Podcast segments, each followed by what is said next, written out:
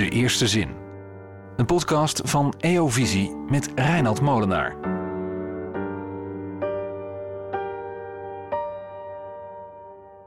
Omdat het er in oktober nog volop zomer was, had ik een hotel met zwembad geboekt. Dit is de eerste zin van het boek Wonderlamp van Desanne van Brederode, waarin de verteller met haar zoon op reis gaat naar Bethlehem. Desanne is schrijver, filosoof en essayist en ze schreef in 1994 haar debuutroman Ave Verum Corpus en publiceerde daarna diverse andere boeken. Desanne van Brederode is onze gast in deze aflevering van De Eerste Zin en visiecollega Ariane Raamaker is aangeschoven als sidekick. Welkom allebei. Bedankt. Desanne, jouw boek is heel recent uh, van de drukpers gerold. Hoe, uh, hoe beleef je zo'n moment? Is dat nog iets speciaals of denk je nou, dat heb ik wel zo vaak meegemaakt? Nee, nee, nee, dat, is, dat blijft altijd iets heel speciaals. En uh, gemengd met angst uh, om de eerste foutjes Oh die ja. zijn blijven staan tegen te komen. Dus ja, die kriebel zit er altijd bij. En, en mijn redactrice is dan heel geweldig, het is er. En wat is het mooi geworden. Terwijl ik alleen maar denk, laat het me nou gauw even inkijken. Want ik weet zeker dat er foutjes in staan. Nou, dat, dat eerste moment is, is heel erg leuk. Maar, maar, en dat weet ik ook altijd al van tevoren. Dan heb ik het eenmaal in handen en het ligt op tafel en ik blader het door. En ik heb deze keer niet een foutje echt nog kunnen ontdekken.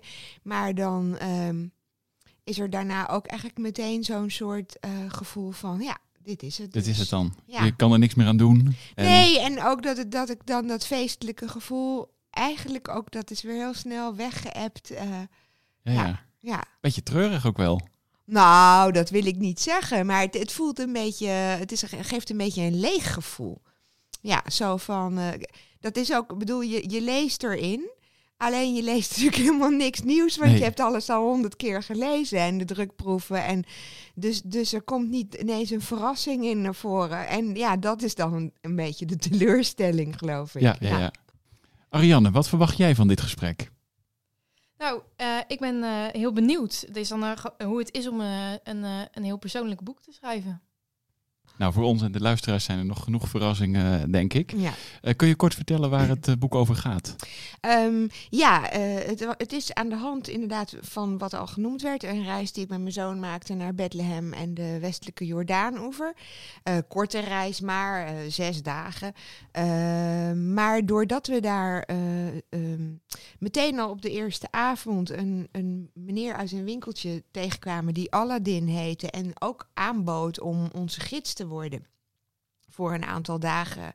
Uh, ja, daar ontstond een soort van vriendschap. Dat is natuurlijk ook die man zijn werk Ja, uh, om, ja. om zo, zo uh, dat, je, dat je dat gevoel te geven.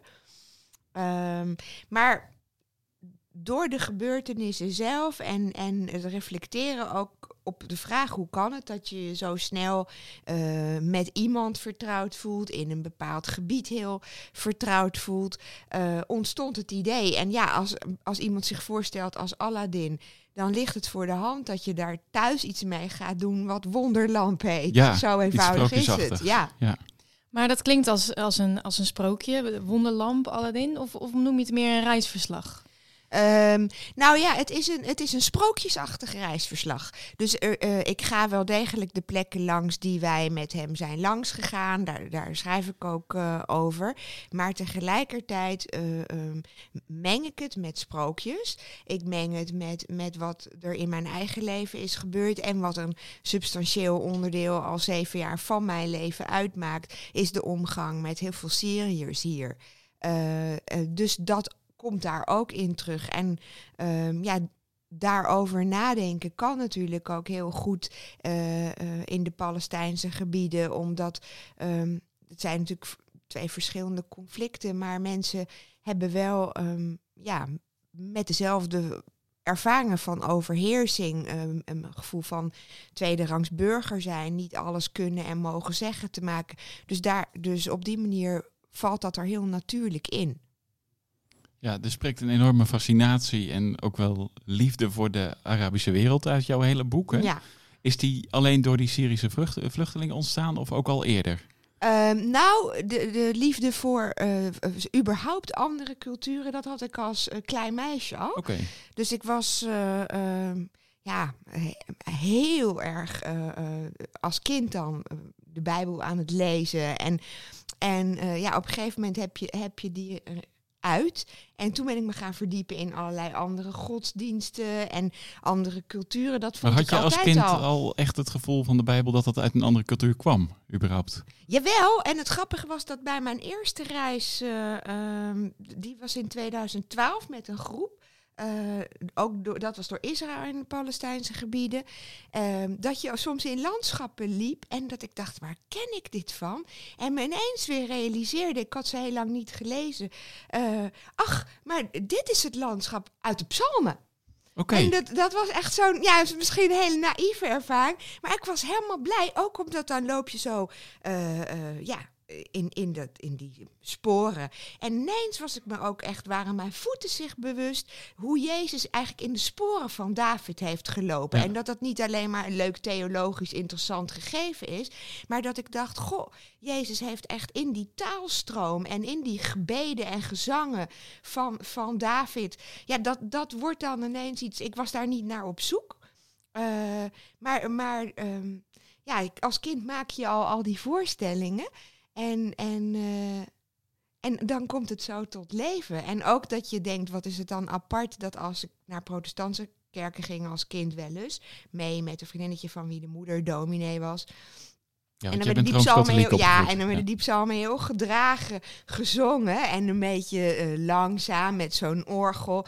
Terwijl je dan, die teksten zijn echt zo vurig en, en Ja. warm en hè, vol emotie. En dan denk je, ja, het blijft toch raar dat wij eh, ehm, soms vergeten dat, dat eh, onze godsdienst, of de christelijke godsdienst, eh, uit het Midden-Oosten komt. Vooral als het nu wordt gebruikt om te zeggen dat mensen uit het Midden-Oosten niet welkom zijn. Ja. Dan denk ik, wat raar. Ja, want christelijke waarden. Nou, ik dacht dat die toch wel echt in dat gebied lagen. Ja. En heeft daarom die eh, cultuur ook een streepje voor bij jou? Nee hoor, nee, nee, het is, nee ik, het is een levensgevoel en het is, het is, het is zich gaan versterken. Ehm, ehm, zijn vader en ik hebben destijds, eh, toen onze zoon klein was, gekozen voor een multiculturele school in Amsterdam.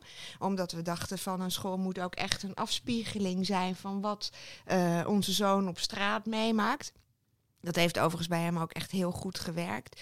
Ehm, en toen viel tot mijn verbazing wel op dat rond de zandbak mensen toch weer naar etniciteit eh, op de bankjes gingen zitten. Dus de Nederlandse moeders en misschien iemand uit Bosnië of zo op het ene bankje en de Marokkaanse en Turkse moeders op een ander bankje. Maar er was toen een moeder die een, een Marokkaanse moeder die dat heel goed kon verbinden.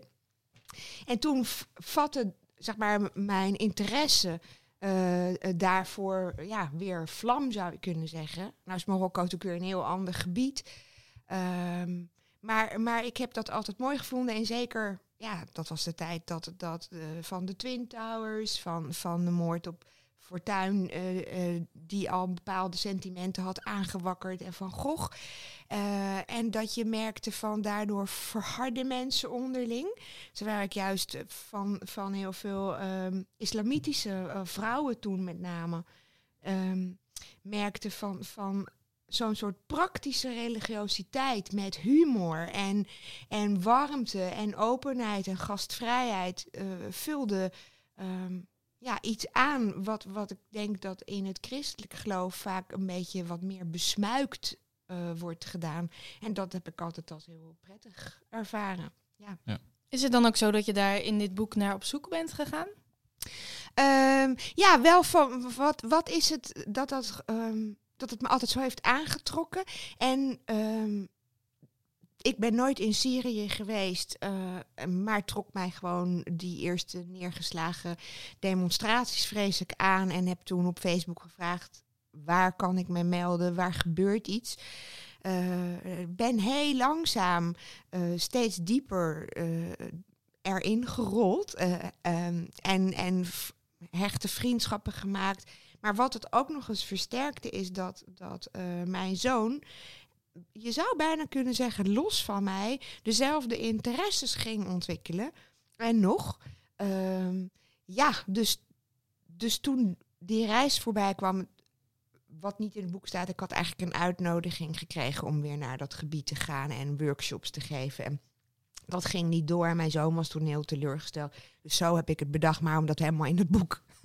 Ehm, en dat, dat hebben, ja, dat is voor onszelf ook een raadsel. eh, dat we precies met die landen gewoon ja, iets hetzelfde hebben. En, en toen hij daar ook rondliep, was ook zijn eerste opmerking van... ik heb het gevoel echt dat ik thuis kom. En ik weet ook nog toen we eh, Jeruzalem binnengingen, dat gezicht, hoe die open ging. En ik had dat een aantal jaar eerder zelf ook zo gevoeld. En dat is dan gewoon heel mooi om te zien. Bijna alsof je ja, iemand laat zien van dit, dit is het heimwee of zo. Heel raar, ja. Bijzonder. ja. Want je boek is autobiografisch. Ja. Is dat, is dat moeilijker? Eh, ja en nee. Ehm, het, is, het is makkelijker omdat je. ehm, ja, ik bedoel, ik hoef niet na te denken wat voelt mijn personage, want dat, dat weet ik wel. Ehm, dus het geeft een bepaald soort vrijheid. Daarom heb ik ook die sprookjes ingelast, omdat er bepaalde dingen zijn van ik dacht, die wil ik wel zeggen. Maar kan alleen op een poëtische, verbeeldingsvolle manier en niet eh, eh, met het gewicht van kijk eens wat ik voel en heb meegemaakt. Want zo boeiend is dat dan ook weer niet. Eh, ehm, maar wat ik, wat ik er soms lastig aan vond, is dat je als je te veel gaat nadenken over, oh ja, en straks ga ik mensen ontmoeten die het boek hebben gelezen en die zullen dan wel denken dat. Maar ik heb, ja, dan denk ik, het is ook een soort rare ijdelheid om je daar de hele tijd al tijdens het maken mee bezig te houden. En volgens mij, eh, eh, ja, niks menselijks is ons, ons vreemd. Dus ik Ja. denk, ik schrijf het gewoon eerlijk op. Maar het is wel Niks kwetsbaar. Ja, maar ik ben toch al hartstikke kwetsbaar. dat, is, ja, ik probeer af en toe eh, eh, wel een soort ehm, volwassen eeltlaagje op mijn ziel te krijgen. Maar het, het, eh, werkt contraproductief in mijn ontmoetingen met andere mensen. En dus, dus dan krap ik het er weer af. Dan denk ik van ja, wat zonde. Staat ook in de Bijbel als geniet wordt als kinderen. Dus ik probeer ook gewoon maar zo open te zijn. ja, Had je het vaker gedaan, eh, iets autobiografisch? eh? ja, dat wel. En ik merkte ook wel dat dat ook een soort rust gaf. Eh, ik heb een aantal jaar geleden, dat is echt alweer een tijd geleden, mocht ik een keer van een andere uitgeverij een, een zomerdagboek bijhouden. Dat werd uiteindelijk na zomer en herfst. Maar ehm, daarin, daarin had ik het al gedaan. Dat je, dat je elementen uit je aantekeningen neemt en kijkt van hoe kan ik daar afgronden, verhalen. En en dat is natuurlijk ook wel zo ehm, bij dit boek. Dat ehm, ik weet ook, dat geldt ook voor Facebook, daar heb ik dat misschien ook wel geleerd. Ik weet ook hoe je een bepaald soort openhartigheid en kwetsbaarheid wel kunt tonen. Dat is oprecht. Maar ik regisseer het ook. Dus ik weet ook precies wat er allemaal niet in staat. Of wat eh, aan welke emotie of gedachtegang er veel meer kanten zitten. Dus, dus het is ook een kwestie van spontaan lijken. Ik bedoel, dat is hetzelfde als een zanger die, die eh, iedere avond een, een, een grandioos droevig lied zingt over hoezeer hij zijn geliefde mist. Terwijl hij s'avonds gewoon weer gezellig terugrijdt naar zijn vrouw en hè, samen nog eventjes naar Pauw kijken. Ja, ik bedoel, dat is ook gewoon je vak. Dat je, dat je niet de kwetsbaarheid faked, maar hem wel zo regisseert dat het... Het moet ook niet intimiderend zijn, niet voor jezelf. En ook niet... ehm, ja, ik hou niet van, van het soort openhartigheid waarbij ik het idee heb... eh, dat, ik een dat ik tot voyeur word gemaakt van dingen. Daarom zitten er ook geen woeste bedscènes in. nee, ik bedoel maar wat. Dat, dat zijn Nee, dingen waarvan ik denk, nou, dat, dat, dat, dat, hoeft er nou niet in, toch? Nee. Nee. En hecht je dan ook meer waarde aan, aan dat boek, omdat, omdat het autobiografisch is dan ten opzichte van andere boeken? Ehm, nou, zo, nee, zo zou ik dat absoluut niet willen zeggen. En ik denk dat ik soms in fictie over bepaalde dingen eerlijker ben geweest. Of tenminste eerlijker, maar borender op een bepaalde kwestie in ben gegaan dan nu. Nee, dus het is, is niet met elkaar op die manier te vergelijken. Ik weet wel, en dat is meer misschien ehm, doordat ik ook veel lezingen geef. Dus heel veel contact heb met, met, eh, ja, met andere mensen uiteraard. En eh, dat ik merk dat ehm, wanneer je zo open bent en natuurlijk best je schaamte moet overwinnen, maar dat, dat het eh, eigenlijk vaak een loopplank is die je uitlegt naar een ander mens eh, om, om zijn of haar levensverhaal of de schaamtevolle dingen te vertellen. Eh, en je in die kwetsbaarheid of gebrokenheid eh, een gezamenlijke humor kunt vinden of een soort verlichting of verlossing. Daarmee zijn de verdrietige dingen niet weg. Maar, maar mensen vergeten volgens mij wel eens dat ze juist in die kwetsbare, beschamende dingen helemaal niet zo uniek zijn en zo innig met elkaar verbonden kunnen raken met, via het hart in plaats van alleen de meningen.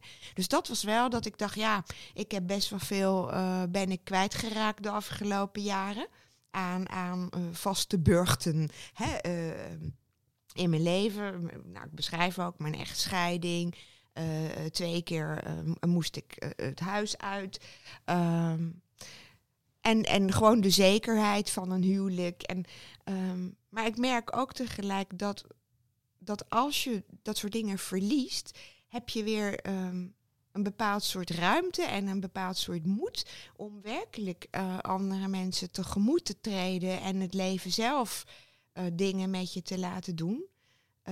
En daardoor is het wel, denk ik, wel een dierbaarder boek. Omdat ik denk van, het is, het was spannender misschien om te maken, omdat ik ook niet altijd wist waar het verhaal mijzelf naartoe zou voeren. Ehm, maar ja, ik merk nu al van de paar mensen die het hebben gelezen dat het, ehm, ja, het is misschien een beetje sentimentelig om te zeggen, maar dat, maar dat ze zich in bepaalde dingen getroost voelen. En dat vind ik heel belangrijk. Je verwerkt ook het eh, verlies van je ouders in dit boek, hè? Ja.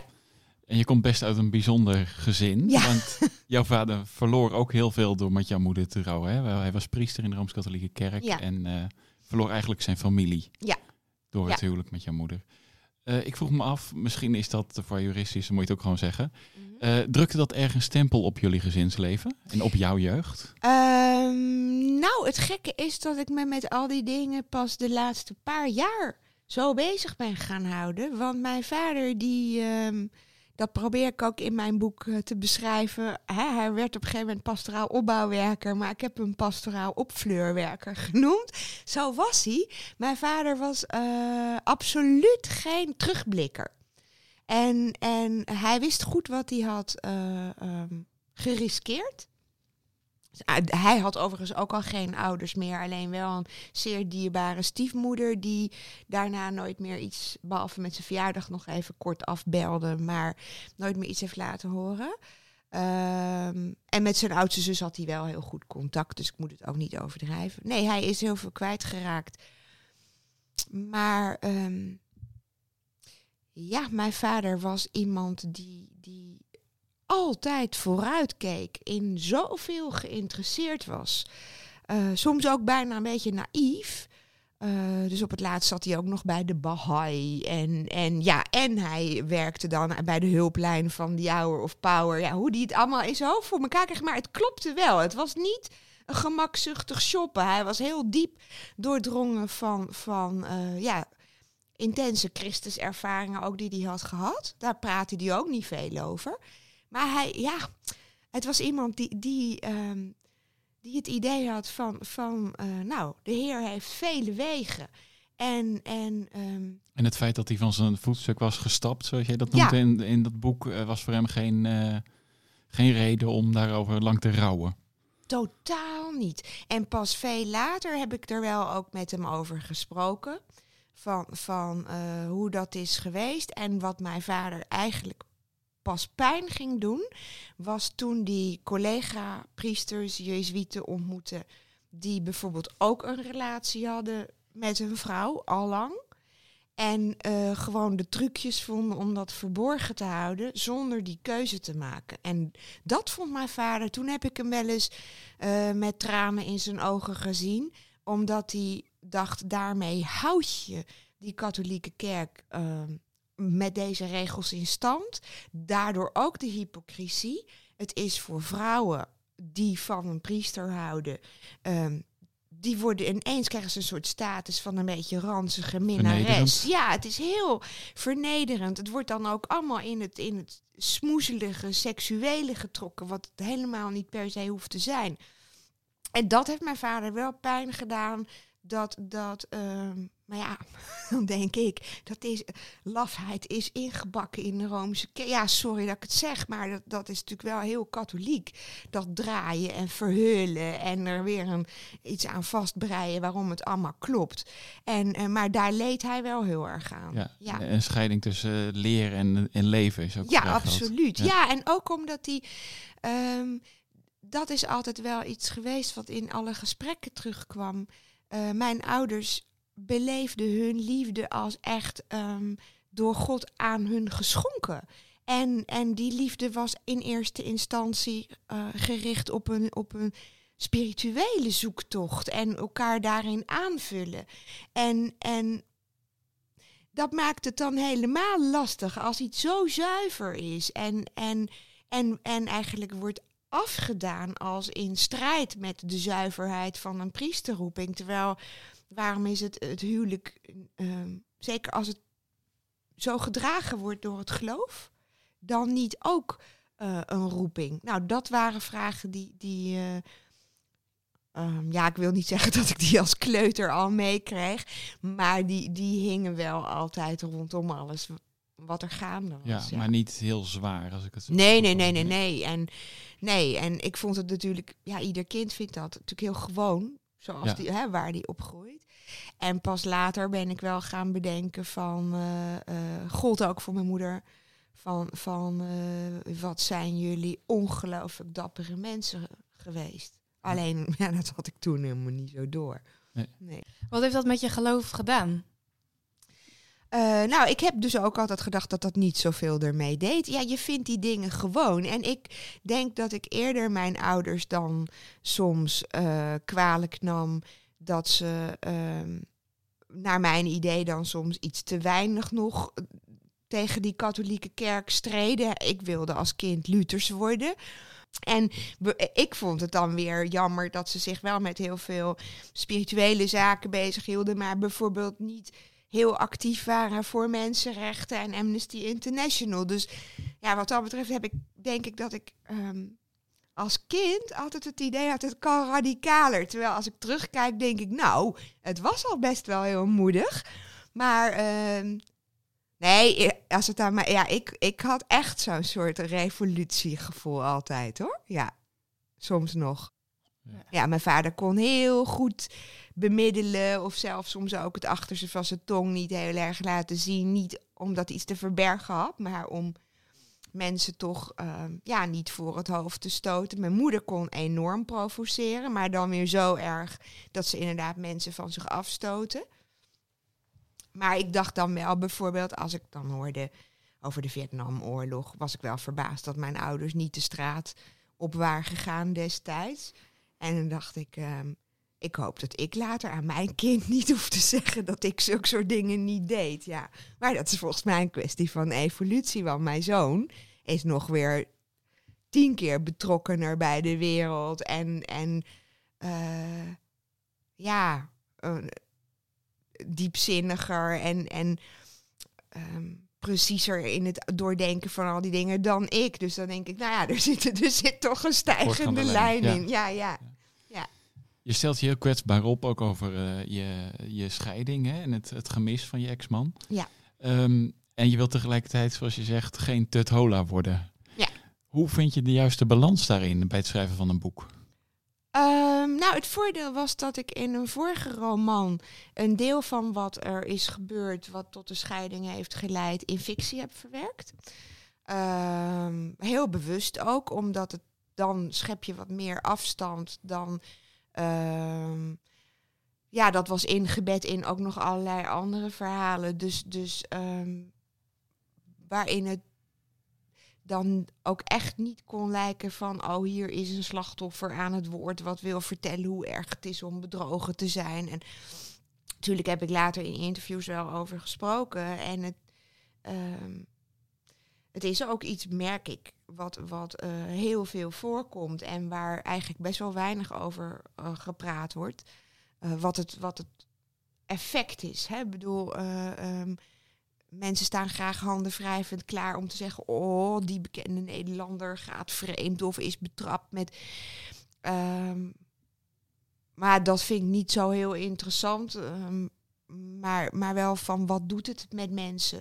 Ook overigens met de persoon die, die eh, bedriegt. Want eh, ja, ik ga steeds minder geloven dat mensen dat doen met zo'n soort idee van, eh, nou, eens even kijken hoe het gras er bij de buurvrouw uitziet. Maar ehm, nee, ik wilde er op zo'n manier over schrijven, gewoon omdat dat mijn ervaring is.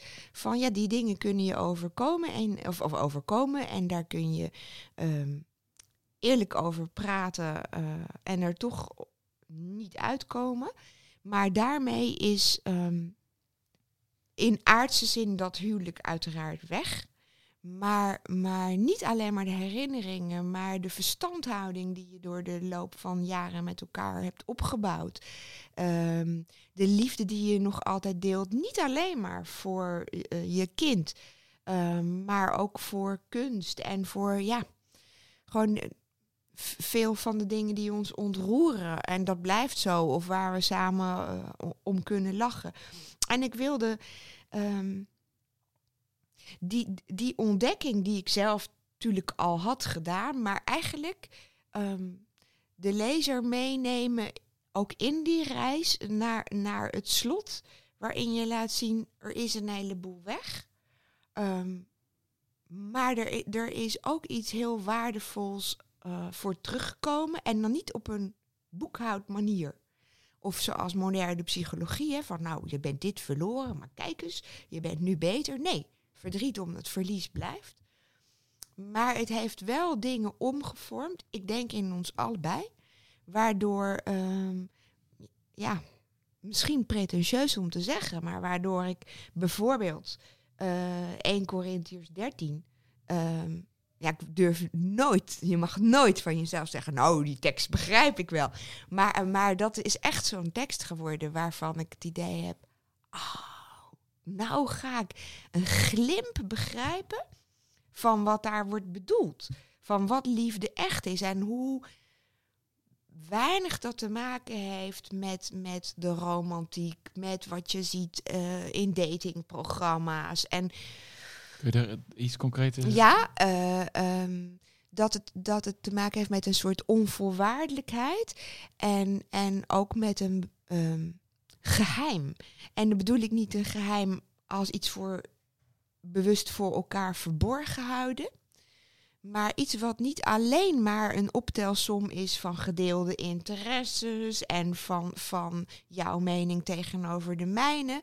Maar, maar ehm, ja, iets wat, wat bijna als een soort eh, genade ehm, kennelijk twee mensen doortrekt. En die mensen kunnen met hun rug naar elkaar gaan staan of, of ehm, nou ja, ieder een andere weg inslaan.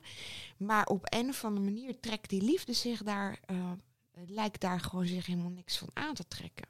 Ja, en, dat, en ik snap nog steeds niet hoe dat werkt. Eh, en ik hoop dat eerlijk gezegd ook nooit te snappen. Maar ik dacht, ja, dat wil ik wel eren in een boek. Ja, dat houdt je ook overeind, kan ik me voorstellen.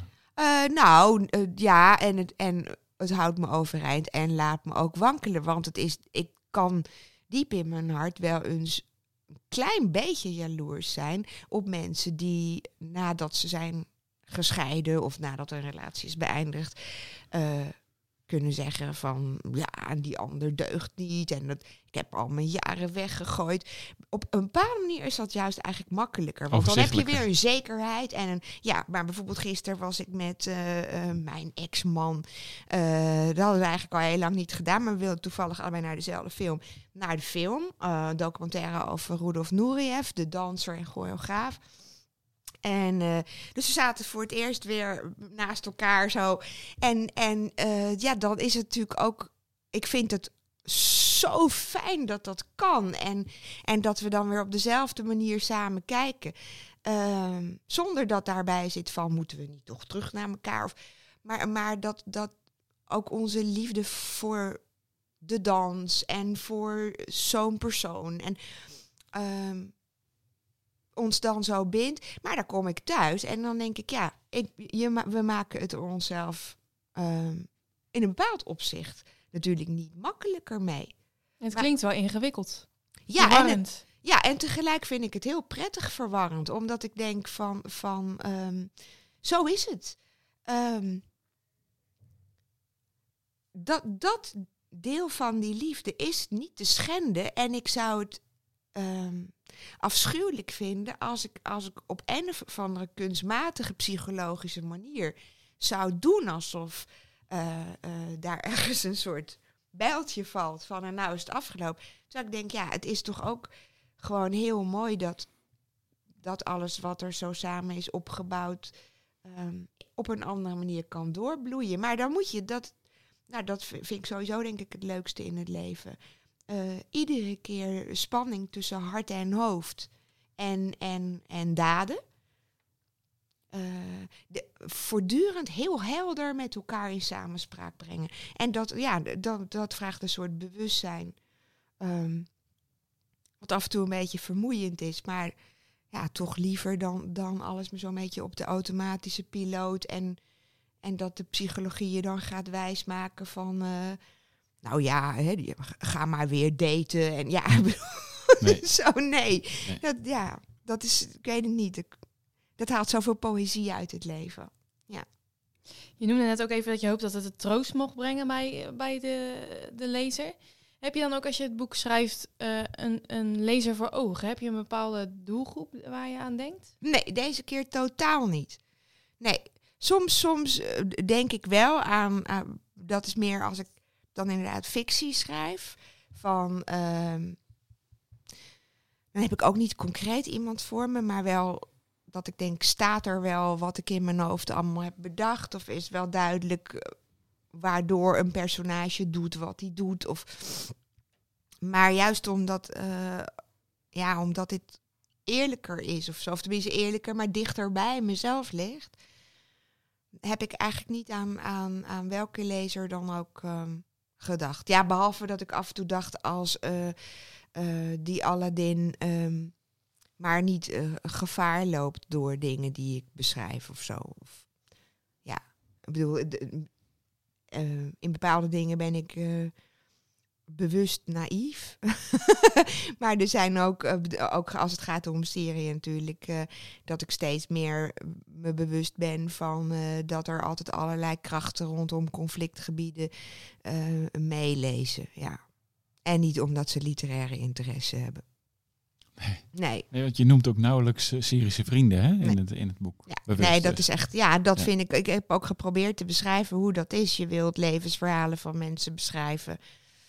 En, eh, maar mensen zijn heel bang eh, voor de achterblijvers in Syrië. En, en sowieso, zeker nu Assad min of meer aan de winnende hand is, voelen ook de mensen die Assad hier steunen, eh Syriërs, maar zijn ook Nederlanders die, die het regime, nou ja, een warm hart toedragen, bijna. En, en ja, je merkt da- dat die in de gaten houden. En, en eh, kijk, voor mij is dat verder geen, niet echt een probleem. Maar, maar eh, ja, voor onze mensen kan dat verstrekkende gevolgen hebben. Zeker, wat je niet mag hopen. Eh, maar als de Nederlandse overheid de beslissing zou gaan nemen om mensen toch terug te sturen omdat het zogenaamd veilig is. Nou ja, daar wil ik even niet aan denken, maar dat, dat ehm, dan wil ik in ieder geval geen bijdrage hebben geleverd aan, aan de lijsten met namen. Nee. Ehm, misschien is dat het verschil tussen katholiek en protestant, maar ik struikelde af en toe over een vloek. Ja. Eh, het wordt wel eens gezegd dat katholieken makkelijker vloeken. Dat ik weet niet of dat echt zo is. Ja, nou, Maarten Luther kon er ook wat van. Die was echt grof gebekt. Ja. Ja. Vandaar dat je Luthers wilde worden misschien. Nee, dat wist ik toen nog niet. Ik wist toen ook ge- gelukkig nog niet dat hij zo'n antisemiet was. Nee, ja, inderdaad. nee. Op latere leeftijd. Ja, Ja, Eh, maar hoe zijn jouw afwegingen daarin geweest? Ehm, Is, Nou maakt ja. het levens echter? Of, of, of Eh, nou, het, het, het maakt in ieder geval. ik bedoel, ik vind het ook gênant. Ik heb er soms ook over gedacht. Moet dat er niet uit? En toen dacht ik, nee, want ik ben iemand die regelmatig ehm, bepaalde ter- termen la- laat vallen. En, mm,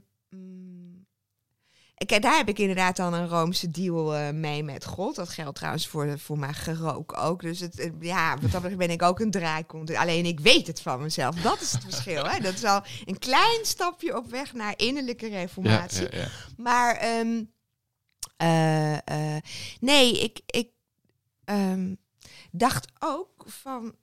ehm, ik wil zo graag over mijn geloof kunnen spreken op een manier die en niet evangeliserend is.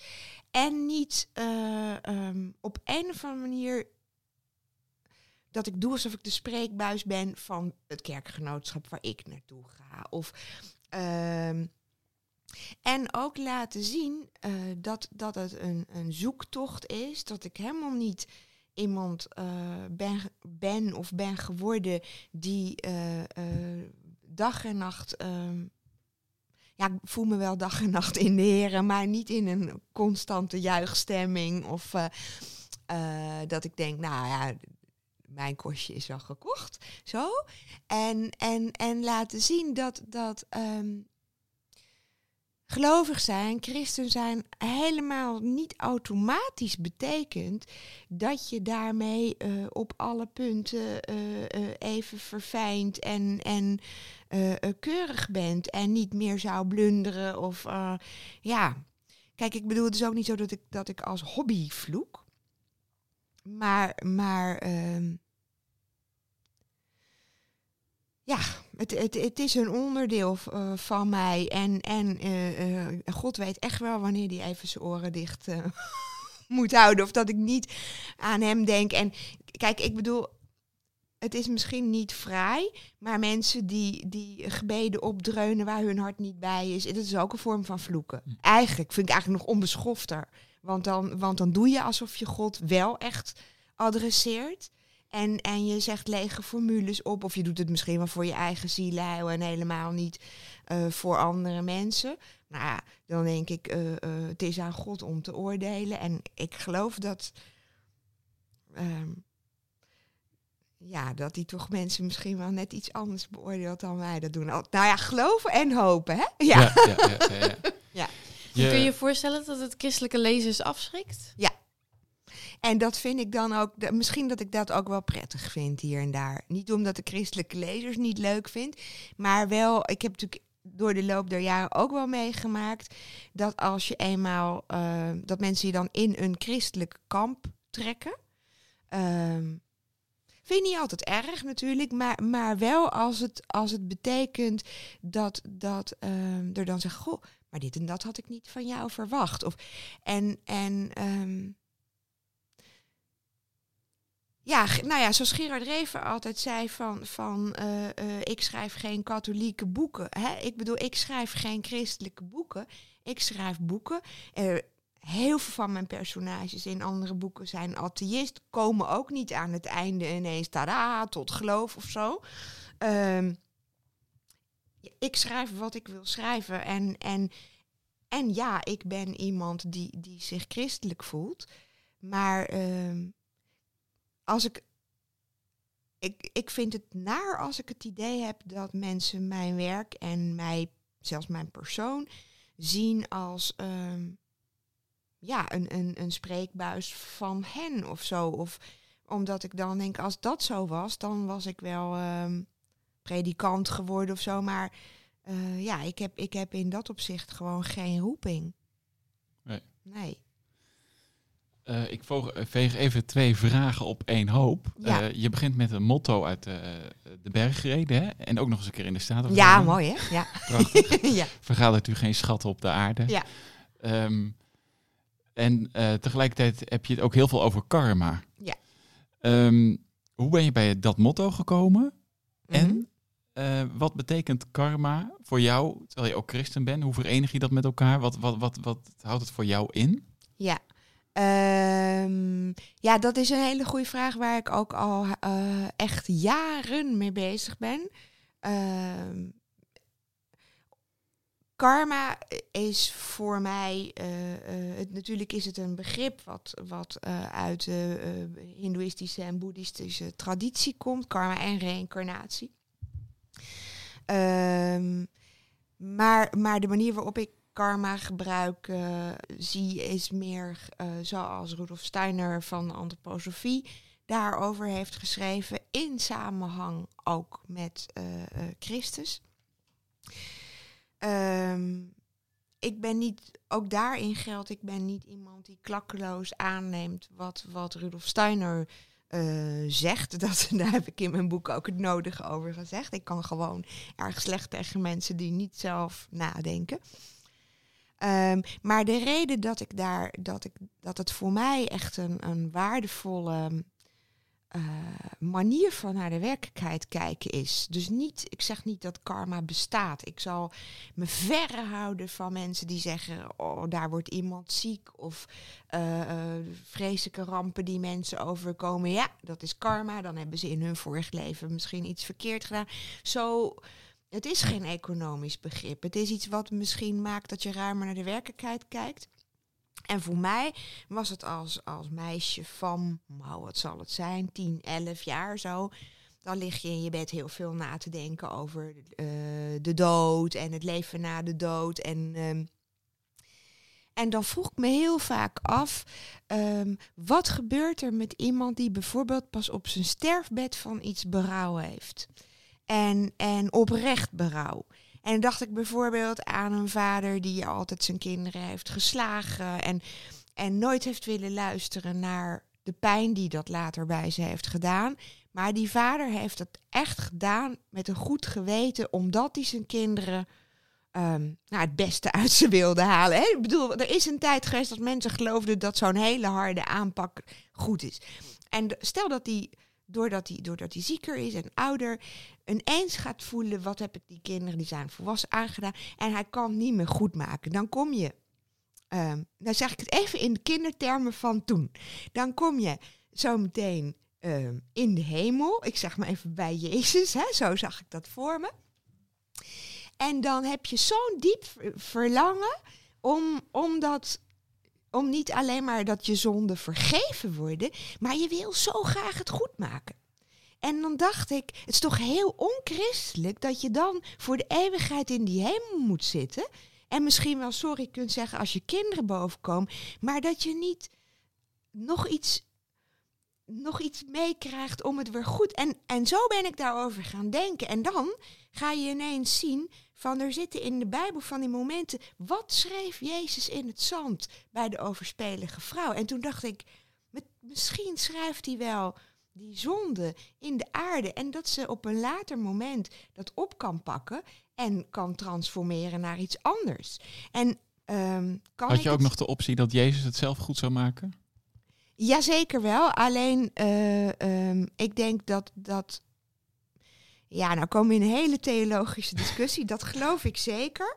Maar zoals je kunt zeggen van, van de wegzending uit het paradijs, uh, die de mens ook de mogelijkheid geeft om zelf in vrijheid te zoeken wat zijn goed en kwaad. En uh, zo kan ik me voorstellen dat, dat, dat Christus een heleboel um, de karma wil meedragen, maar dat dat wel alleen maar kan uh, als wij als we daar niet te gemakzuchtig over doen. Hm.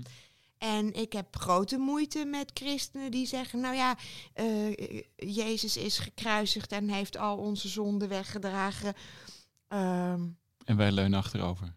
Ja. Ja. ja, ik denk voor mij is, voor mij is uh, Golgotha en, en de opstanding.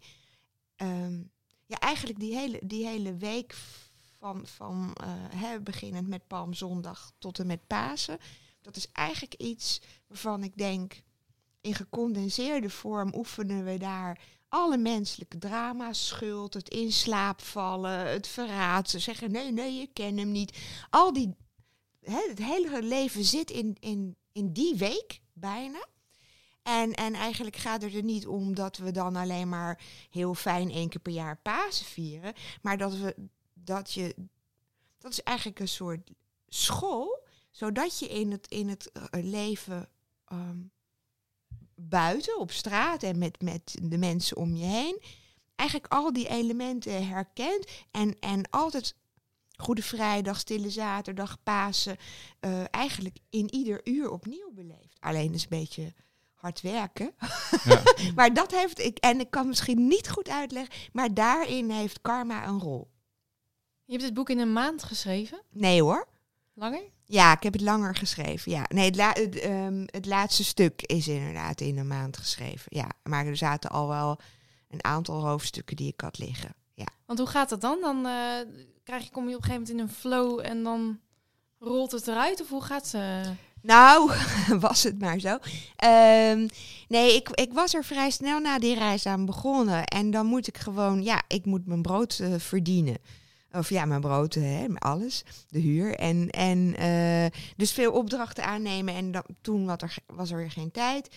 Toen heb ik vorig jaar in het voorjaar eh, nog weer wat stukken geschreven. En, en ja, op een gegeven moment heb je, dat vind ik ook lekker, een deadline afgesproken met je uitgever. En en eh, nou ja, toen heb ik op een gegeven moment gezegd van, van in december vorig jaar, nu zeg ik alle afspraken en dingen af. Want, want die flow heb ik ook echt nodig. Ik kan niet, ja, ik kan wel op een dag kleinere stukken eh, schrijven, maar voor een boek. En om, ehm, ja, niet op een magische manier van op een gegeven moment neemt iets het over. Dat is flauwekul. Maar, maar zie je wel van, ehm, in een bepaald hoofdstuk lanceer je een bepaald onderwerp of een, of een, of een symbool of zo. En dan, hé, hey, dan komt dat later terug. En dat dat, dat dat werk één geheel blijft en dat daar een bepaalde geest door de letter kan ademen, om eh, maar even bijbels te zeggen. Dat, dat, dat vraagt dat je, dat je op zo'n moment niet voortdurend afgeleid wordt door allerlei andere dingen. Wat is nu je volgend project? Ga je verder in de proza of de poëzie? Ehm, ja, de- pff, op dit moment heb ik het vooral heel erg druk met, met allerlei berichtjes schrijven over de bombardementen op Idlib. Dus ik, nee, ik ben stiekem wel weer aan een, aan een nieuwe roman bezig. Ehm, waarvan ik nog helemaal niet weet of het iets gaat worden. Ehm, Kun je er ik- iets over zeggen? Of? ja, ik wilde iets, iets doen. ehm, een beetje absurdistisch, maar een beetje spelen met het feit dat, dat we mm, in, een, in een samenleving terecht zijn gekomen waarbij toeval vooral wordt gezien als iets bedreigends. Omdat, hè, eh, wat een toeval dat ik net niet in de trein zat die beschoten werd of zoiets, zulke soort dingen. Ehm, en en eh, het ook bijna niet vertrouwen als het leven zomaar ineens een hele leuke verrassing voor je heeft. En, en van wie komt dat dan? En welke bedoeling zit erachter? En ehm, ja, ik ben nu een meneer aan het woord aan het laten die, die het heel leuk vindt om naar mee te spelen. En zo graag hoopt dat hij. Nou, hij zet iets ergens op een station neer en hij hoopt dat het in goede handen valt. En, en dat mensen eh, ineens het idee hebben. Goh, ik mag er zijn, maar hoe kan dat nou? Zo. ja, ja, ja. ja. ja. Gewoon Oh. een soort wraak van de liefde. Ja. Toch Ja. ook weer sprookjesachtig en filosofisch tegelijk. Ja, ik hoop het. Ja, maar het is nu gewoon, misschien is het helemaal niet goed, maar het is nu gewoon eigenlijk dat als ik s'avonds moe ben of zo, dat gewoon nog even weer lekker daaraan prutsen en denken, wat zou er nou weer gaan gebeuren? Ja, of wat ja. gaat hij nu weer zeggen? Dat, dat is dan leuk, ja. Mooi. Desanne, hartelijk bedankt voor je komst. En eh, jij ook, Ariane. Ja, Graag gedaan. graag gedaan. Dit was De Eerste Zin, de maandelijkse boekenpodcast van EO Visie. Bedankt voor het luisteren. Wil je meer inspirerende gesprekken over boeken horen? Abonneer je dan op ons kanaal en krijg iedere maand een update.